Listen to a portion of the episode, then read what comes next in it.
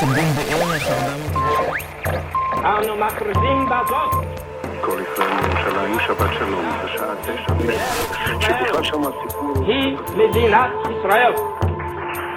Israël in Nederland. Dit is de podcast van de ambassade van Israël waarin wij wekelijks een aflevering uploaden op ons Soundcloud-kanaal.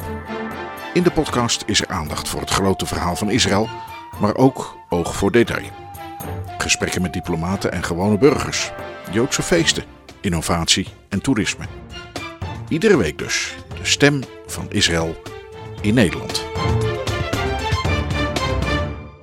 Heel hartelijk welkom bij de podcast van de ambassade van Israël in Den Haag. Uw vaste plek voor verhalen en informatie over Israël, de Joodse wereld en de relaties tussen Nederland en de Joodse staat. Mijn naam is André Diepenbroek en ik ben uw gastheer. Het is alweer even geleden dat we iets op dit kanaal hebben geüpload. Corona stak daar even een stokje voor. U hoort dat misschien nog een klein beetje aan mijn stem. Het is de hoogste tijd om de draad dus weer op te pakken. In deze aflevering van onze podcast kijken we nog even met één oog naar de feestmaand december, die net achter ons ligt. En vertellen we het verhaal van twee bijzondere vrouwen die door vele eeuwen tijd van elkaar gescheiden zijn, maar die wel zo'n beetje dezelfde mentaliteit hebben.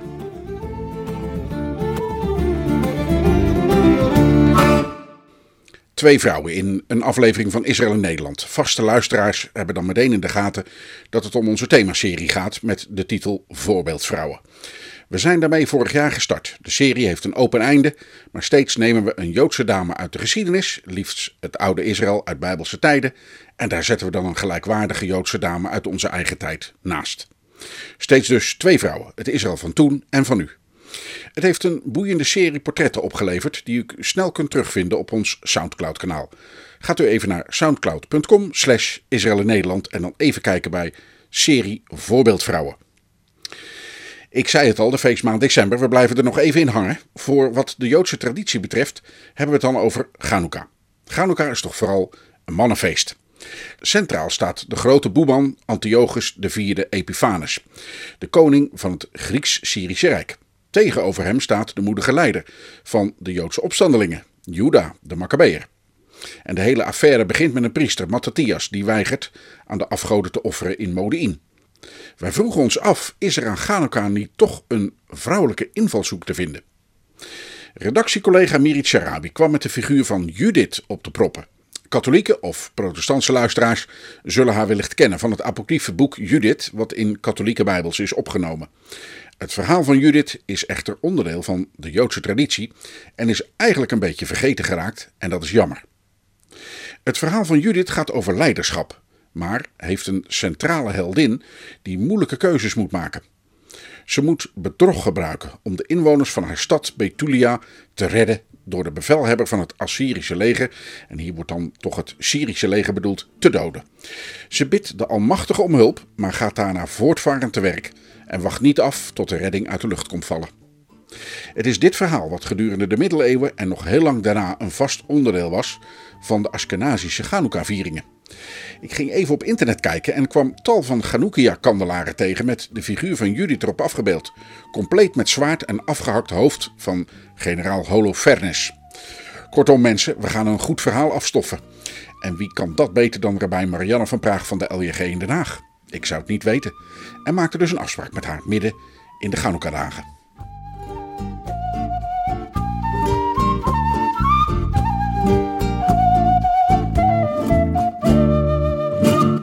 Ja, midden in Chanukka. We zitten weer aan, uh, aan de tafel bij Rabijn van Praag. En op tafel staat een Chanukkia en die komt uit Willemstad.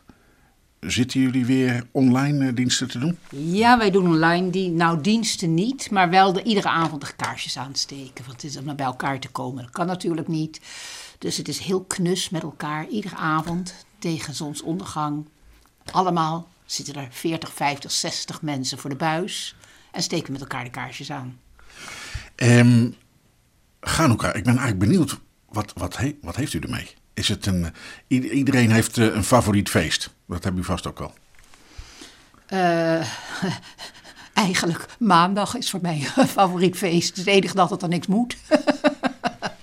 nee, het is, alle feesten hebben hun, hun, hun eigen charme.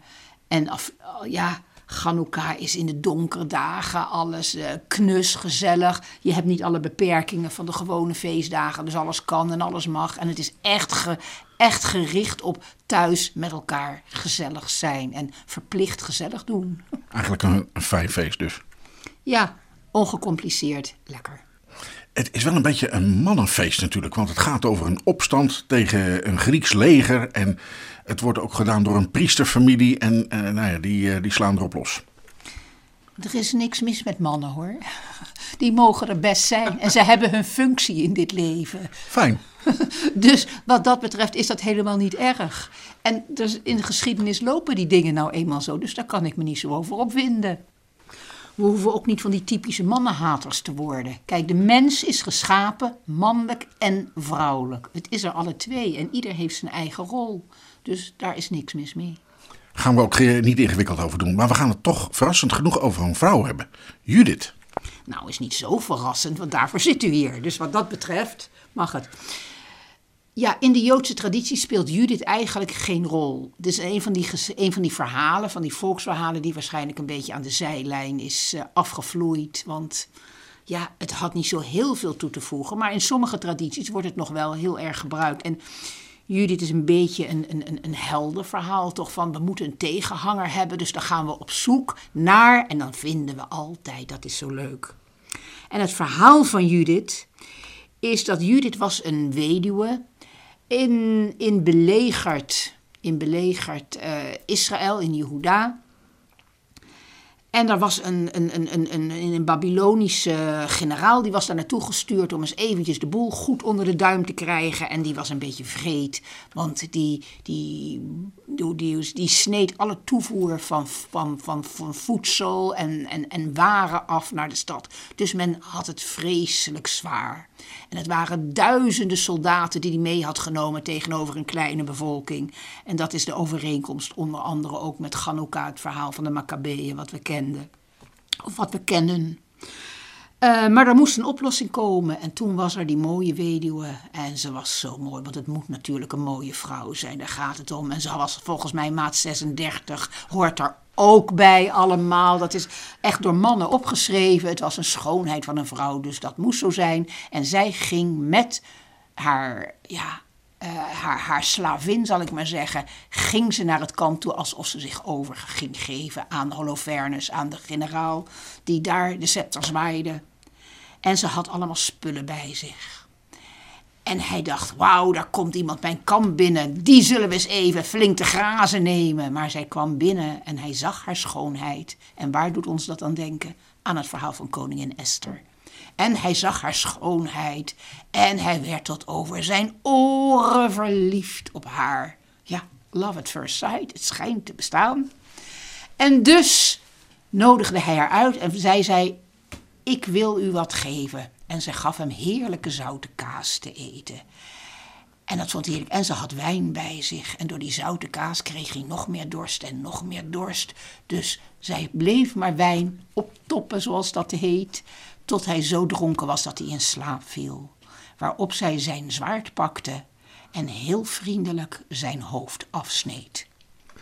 Nou was haar tas toch leeg van alle kaas en wijn die hij genuttigd had. Dus zijn hoofd ging in haar tas en zij wandelde rustig terug via alle, alle hoe heten die mensen, schildwachten en alles terug naar de stad. En in de stad liet ze het hoofd zien van Holofernes. En iedereen was hevig onder de indruk van haar heldenmoed, hoe ze dat dan toch maar gedaan heeft. En de soldaten, die op een gegeven moment niet begrepen waarom ze niets van Holofernes hoorden, gingen zijn tent binnen, zagen zijn onthoofde lichaam daar liggen, raakten in paniek en maakten dat ze wegkwamen. Nu is dat verhaal dus niet echt meer in de Joodse traditie opgenomen. In, het, in de islam en in het christendom komt het verhaal nog wel meer voor. Maar er zijn ook nog hele gebieden waar dit verhaal wel verteld wordt. En het leuke is dat bijvoorbeeld Ashkenazische Joden, die eten graag. Ja, we weten dat we op Chanukka eten we alles wat in de olie gebakken is. Eten soufganiot, soort oliebollen. We eten latkes, de aardappelkoekjes, gebakken in de olie. Maar bijvoorbeeld Ashkenazische Joden, die eten ook blinsjes. En wat zijn blinsjes? Niet de Russische blinis, dat is wat anders, maar flensjes gevuld met zure room en melkproducten. Dus vanwege de zoute kaas die Judith Holofernes te eten gaf, worden er ook, zijn er ook gebruiken dat er melkproducten gegeten worden op Chanukka. Maar daaraan kunnen we wel zien dat het een, een, verhaal is wat wel leefde in het verleden, maar tegenwoordig kom je het eigenlijk bijna nergens meer tegen.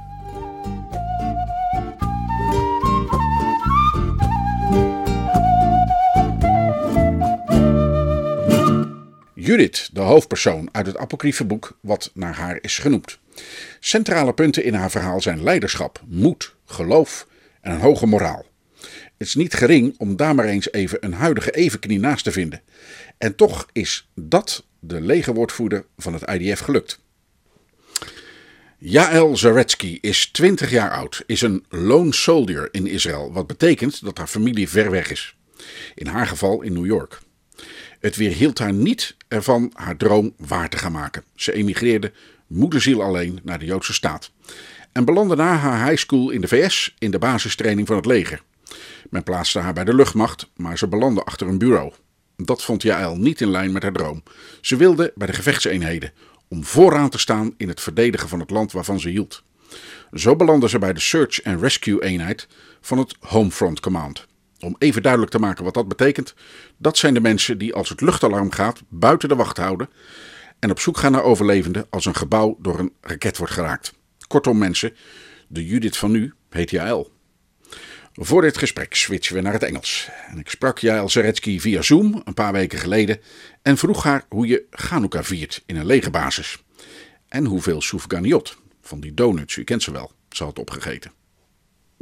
too many, way too many. Um, it was uh, it was nice. Uh, we didn't celebrate Hanukkah at home. Um, we were on base. Um, we were doing our job, and uh, it was really nice to spend it with your like extended family because that's kind of what the people in the army are after a while. You know, you become your family. So yeah, it was nice. So you lit you lit candles and everything like on base or yeah we lit candles on base um, sometimes like a rabbi would come and like do the prayers with us uh, and obviously bring us more sufganiyot because that's all we need more donuts so it was really great actually good um, uh, you celebrated uh, Hanukkah in your uh, in your army unit. Um, you didn't want to go home. Course, I wanted to go home, um, but it doesn't always work like that. You know, um, even if you want to, you got to do your duty. You know, serve your country. So we were on base, unfortunately. But and also, home is a bit complicated because you're a lone soldier. Can I, can you explain to us what it is? yeah so for me to go home it'd take a little bit more than just an hour bus ride um, it takes like, like a 10 hour flight how many hours about 10 or 12 depends which way you're going so uh, because home basically it was what used to be the us where are you from yeah um, i'm from new york so it takes a bit longer to get home um, and i don't always get to do it so it's only like once a year about Yep, yep. um, how is it to be a lonely soldier? Isn't that you know, like very lonely sometimes? Yeah, sometimes it can be. Um, uh, like I made Aliyah with a bunch of friends, so I have I still have those friends with me, so we're really close. Um, and also my roommates, because uh, I don't live my, with my family or with my parents. I live with my friends, so it's even better. Um, you know, like the chosen family. So uh, yeah, it's okay, but it is a little sad sometimes, you know. But when did you decide to uh, to make Aliyah to uh, actually also to join the army? How did that go? Yeah, uh, I kind of knew a long time that I wanted to come to Israel and serve my country. Um, I wanted to come to the Jewish country, to the homeland, and I wanted to come and serve my people and my country and come and live here and be part of it. Um, so I knew for a couple years before I actually came. And uh, when you came, that was like right after high school? Literally two weeks after I finished high school, I came. Wow. Literally, that's it. uh, and and then it was like immediately going to the army, or there was like some time between.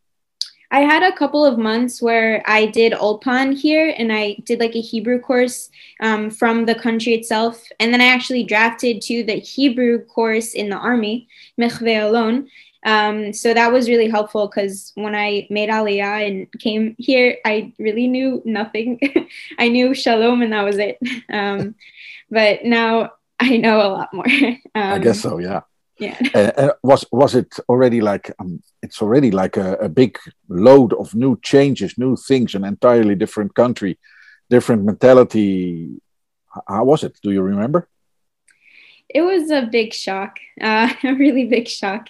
You know, you go from living with your family and with your parents, and then you come and live on your own, where you don't live, you don't speak the language, you don't know how to cook for yourself. You know, like sure, eggs sometimes, but like, how do you cook full meals for yourself when you're just one person and you live so far away from your mom?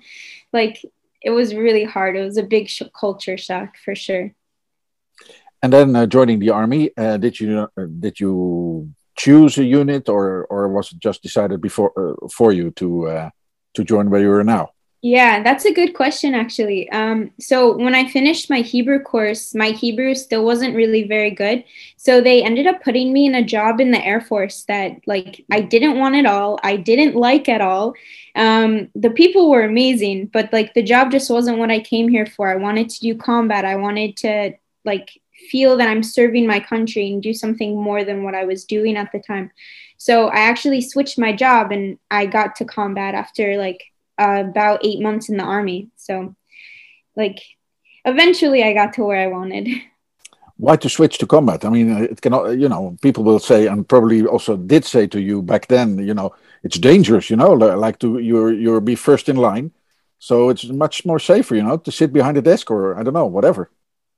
Yeah, it's definitely more safe, and you definitely get a lot more privileges when you're not in combat. Like, I used to have a pool on my base, and now I'm like in the smallest space ever with like no not not enough room to like move.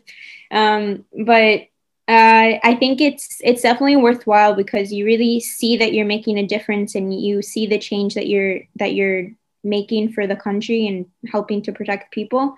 Um, especially uh, because like all the the guard duty that we do, like you really see how it affects other people. You're actually like protecting and helping uh, uh, people, and not like supporting others to do that. Exactly, exactly. Yeah. Um, so now uh, uh, uh, let's hear it. What what's exactly what you're doing? What's the unit you switched from the Air Force to something much more on the ground, right? Yeah. Um, so I switched to be in uh, the combat part of the search and rescue brigade. Um, so the search and rescue brigade, uh, when we're in training, we train to um, be combat soldiers, but also be search and rescue um, rescuers, I guess, uh, if God forbid there is a war. So when what happened before for the Guardians of the Walls, we were there and we helped to protect the citizens from collapsed buildings and everything um, around Gaza. Um, and day to day, it's a little different. We do a lot more guard duty, um, a lot more. Uh, and uh, I mostly just like, I hang out with my friends, been from different uh, guard duties, you know, like in between, and try to try to make it make it worthwhile, you know. Yeah, yeah. Just for us, you know, it's it's uh, uh, like the audience in the Netherlands are you know far away from all the you know like the the special army language and about names of operations or names of uh, you know events that happened. Guardians of the Wall. When was that?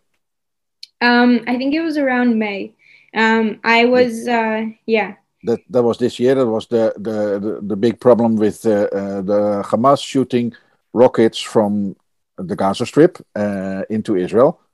Um, so what happened? thousands of rockets. Yeah. Thousands of rockets. So what happened? Yeah. Then then your unit is suddenly not something like on guard or something. You're being called up to go there, and then what?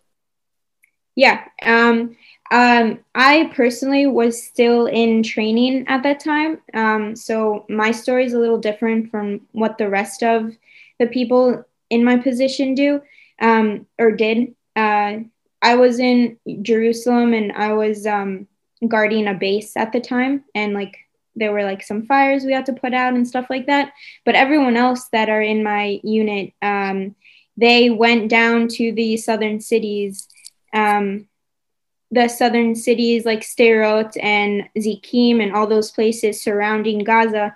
And the small kibbutzim and the and the bigger towns and everything. Exactly, yeah. exactly. Even Ashdod, we went to Ashdod and Ashkelon and all those places, and they went and were just there in Konanut, like on call, in case a building collapsed from a bomb hitting it, and there were people inside and we needed to save.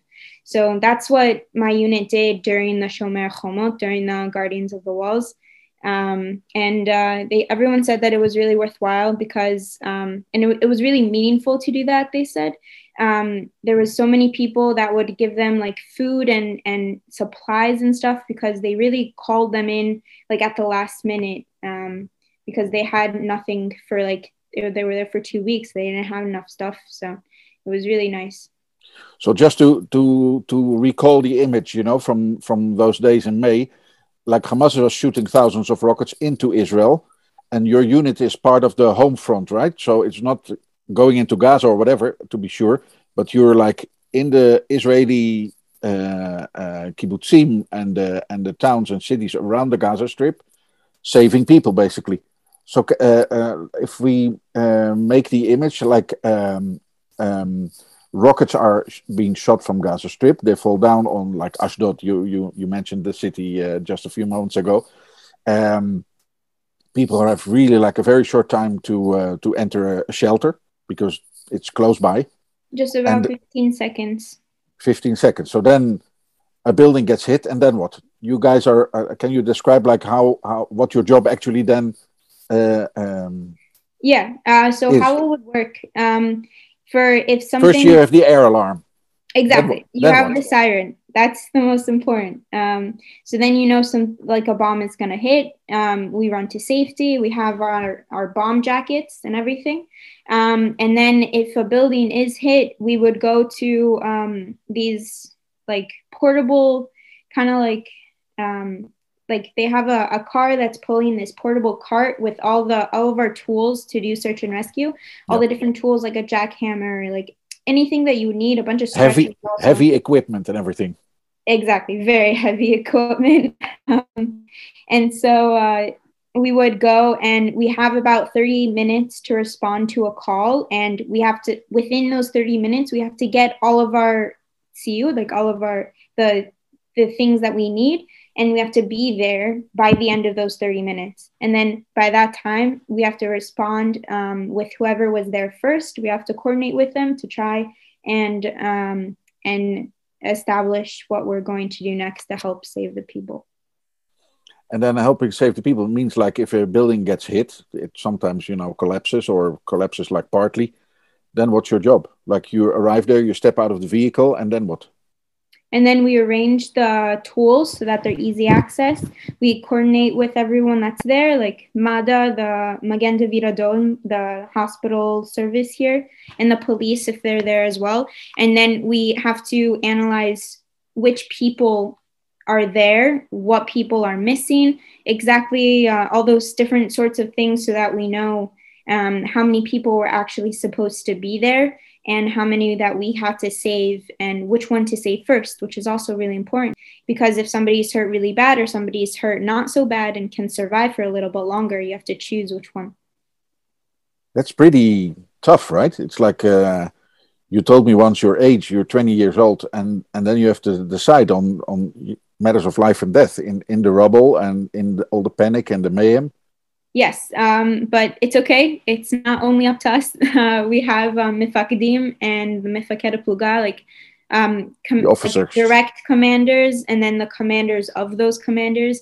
So anything that we want to do to help um, to help rescue those people in the rubble, um, that has to go through uh, the approval of an engineer, approval of a doctor, and approval of our our officer, like our commander, so that you know it all coordinates with everything that's possible so none of the building not any more of the building collapses and also um, so that the doctor knows like if it's possible for them for that to happen, that they're not, God forbid, die on the spot, and everything like that.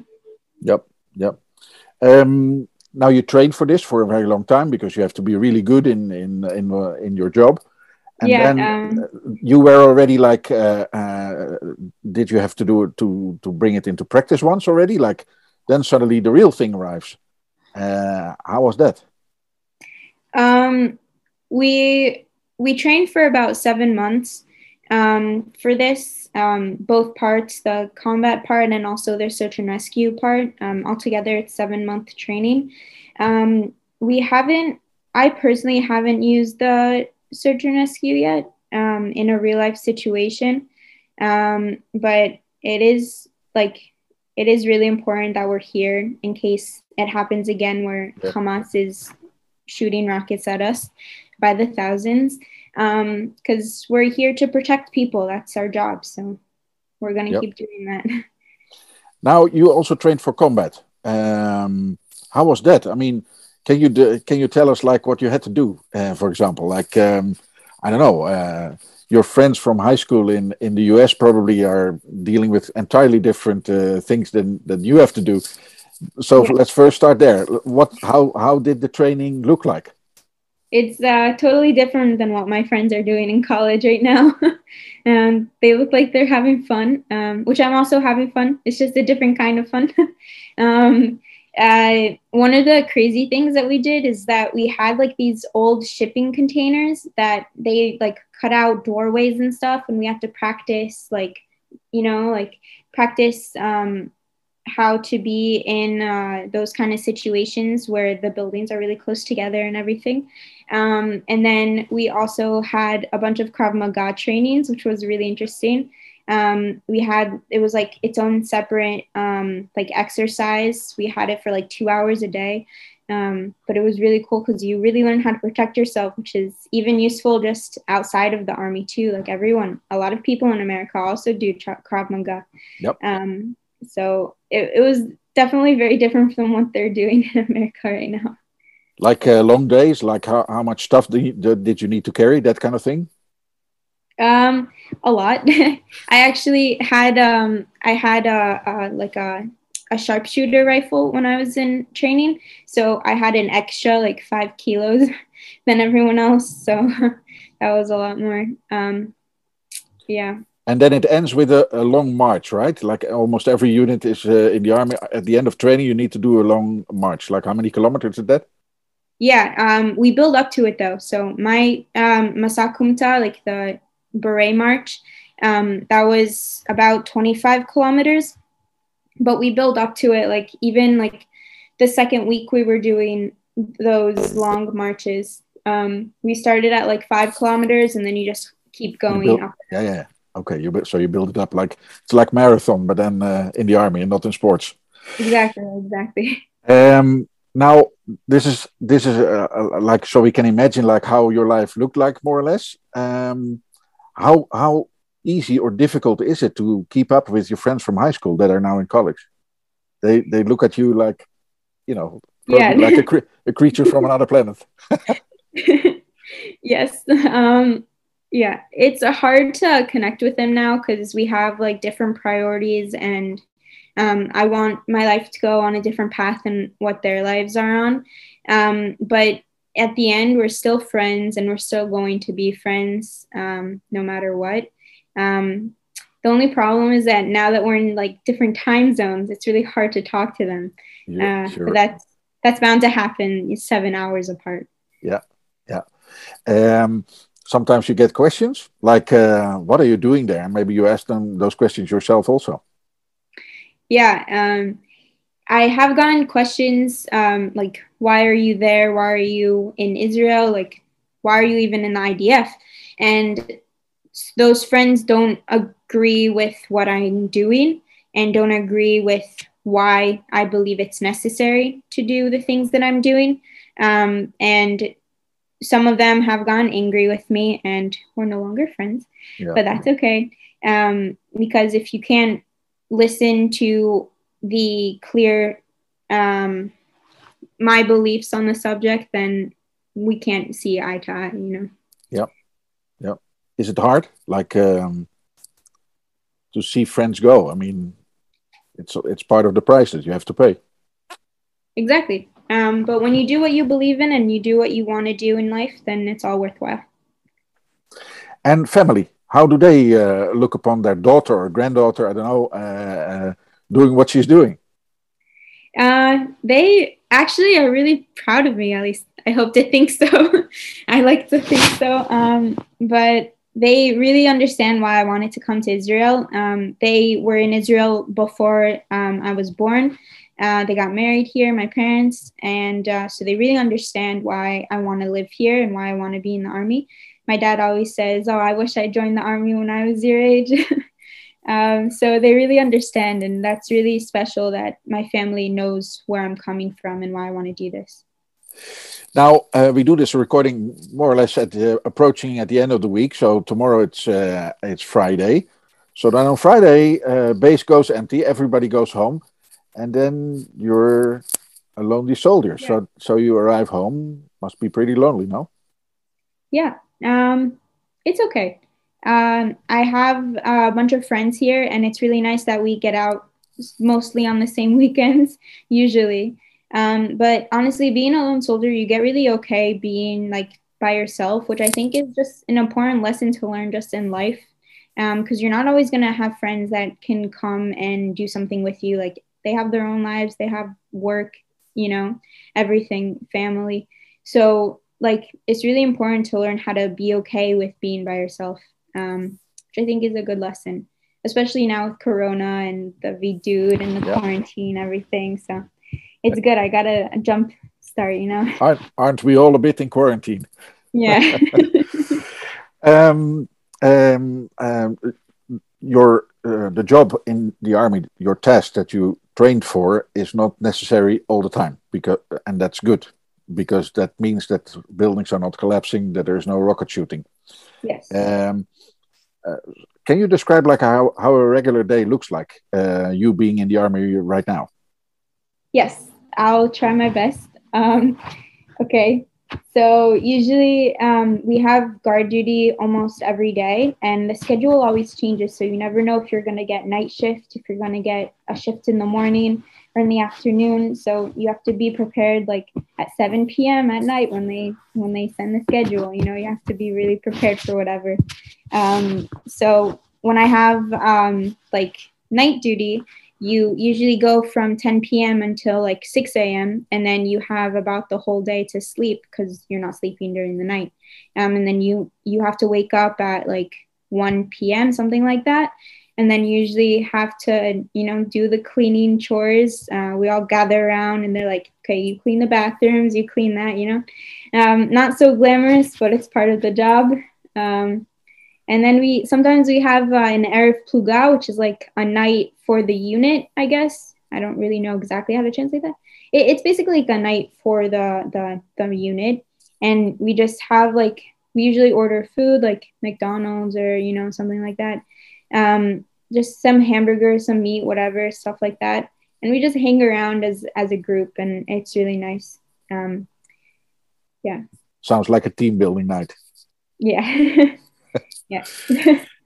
Um, uh, is it like uh, uh, like being in, uh, in an army can also be kind of boring? Isn't it boring, or is it? Uh, how do you like it? How do you uh, qualify the things that those regular days?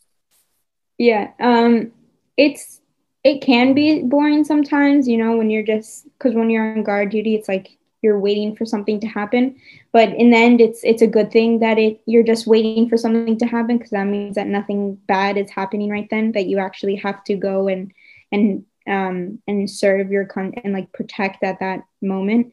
Um, but it, it's good to have your friends around um, and it's good that the people in my unit have become my friends because now like we can joke around and stuff and we play games and everything so it's not it's not always boring that's okay you know How many months do you still need?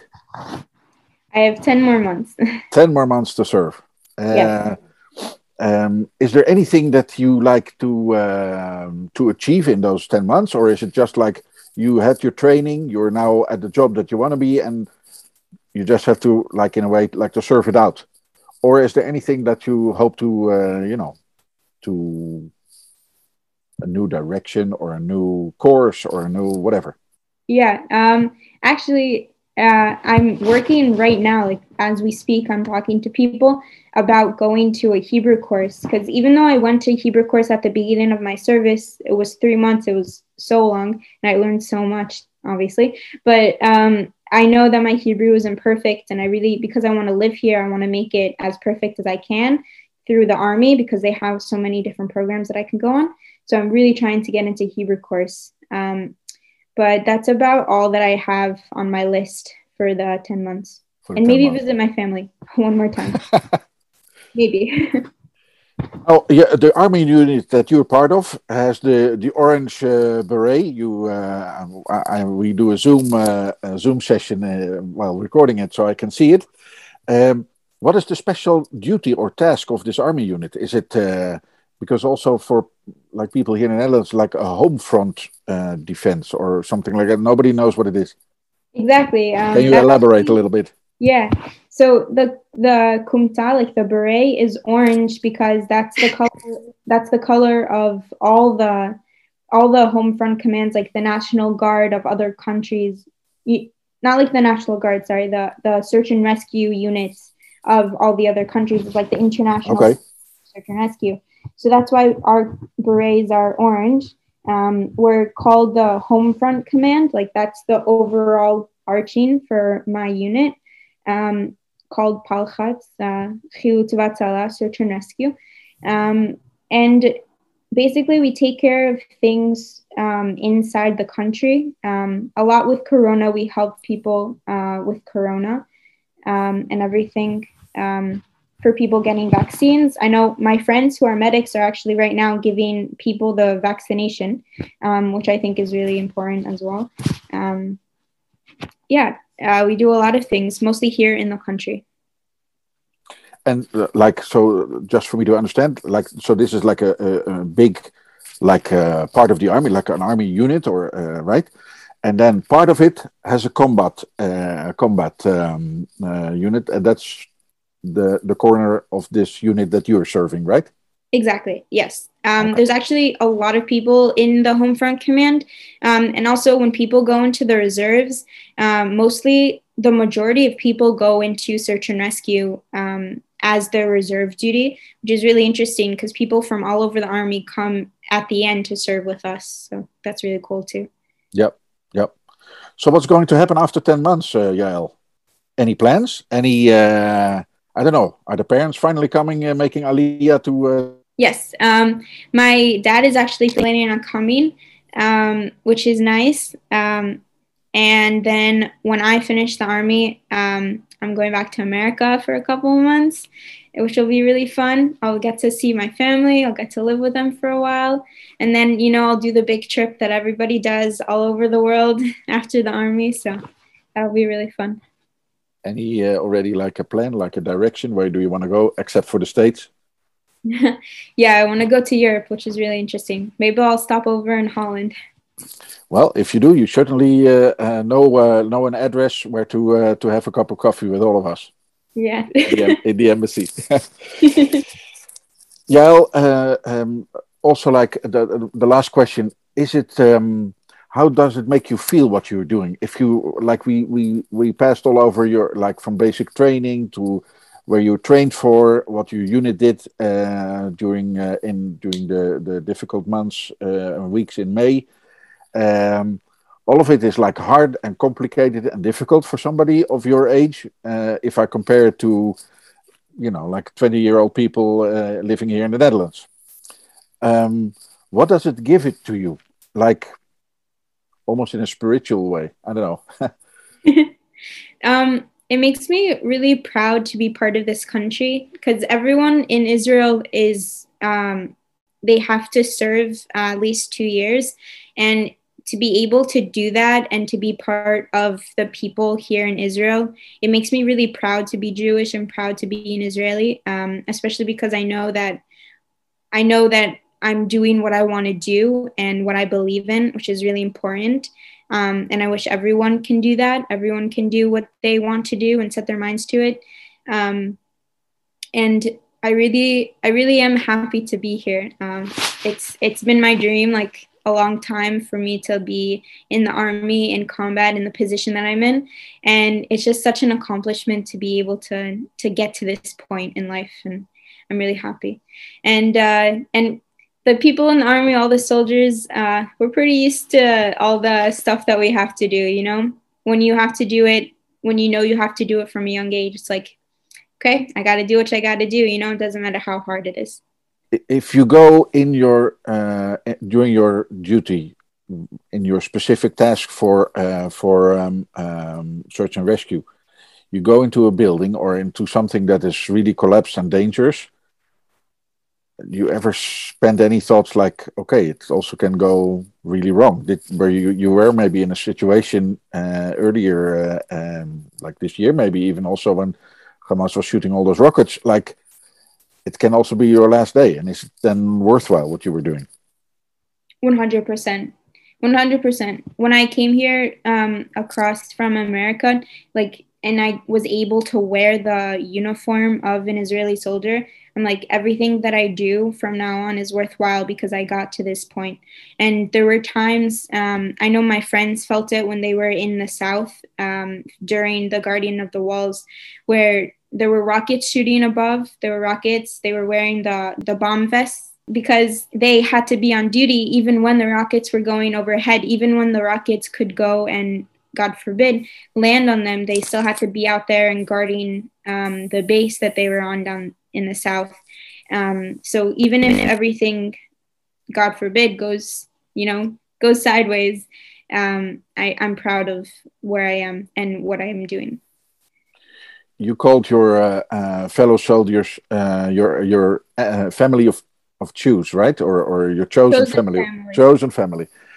Uh, can you give us an example of what happened? That uh, one instance that you thought like, "Wow, this is this is what I mean when I say it." Yeah. Um, my friend, so one time over Shabbat, over Friday uh, and Saturday, I didn't have enough food. I didn't have enough time to go and get food for the Shabbat, for the Sabbath.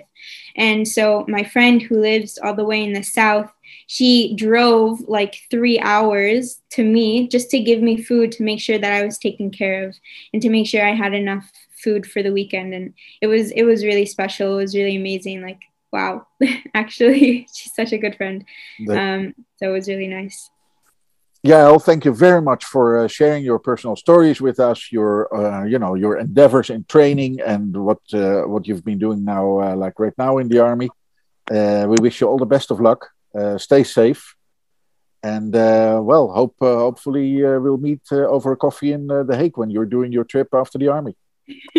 yeah, I got a bit of more time to go until then. Um, but yeah, uh, thank you so much for having me. It was really interesting. Um, it was great to talk and to share my experiences um, and help share, uh, you know, share insight on Israel. Um, it was really interesting. Thank you so much.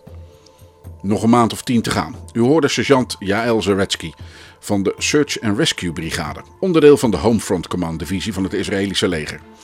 En daarvoor hoorde u het verhaal over Judith en haar apocryfe boek, beeldend verteld door rabbijn Marianne van Praag van de LJG in Den Haag. Samen een nieuw deel in onze serie Voorbeeldvrouwen, waarin wij een dame uit de Bijbelse of Joodse traditie koppelen aan een dame uit het hedendaagse Israël. Dit keer met als thema, nog met een knipoog naar het heldhaftige verhaal van Chanukka, een verhaal van twee heldinnen. Wij komen hiermee aan het einde van deze podcastaflevering van Israël en Nederland. Vergeet u niet volger te worden of anderen aan te raden zich te abonneren. Zo blijven u en uw kennissen steeds op de hoogte van wat we doen. Dat kan via Spotify, Google Podcasts, Podbean, Overcast, TuneIn of Stitcher, wat al niet. Of u bezoekt ons gewoon op ons Soundcloud-account soundcloud.com slash in Nederland. Voor wat ons betreft, dank voor het luisteren en graag tot binnenkort.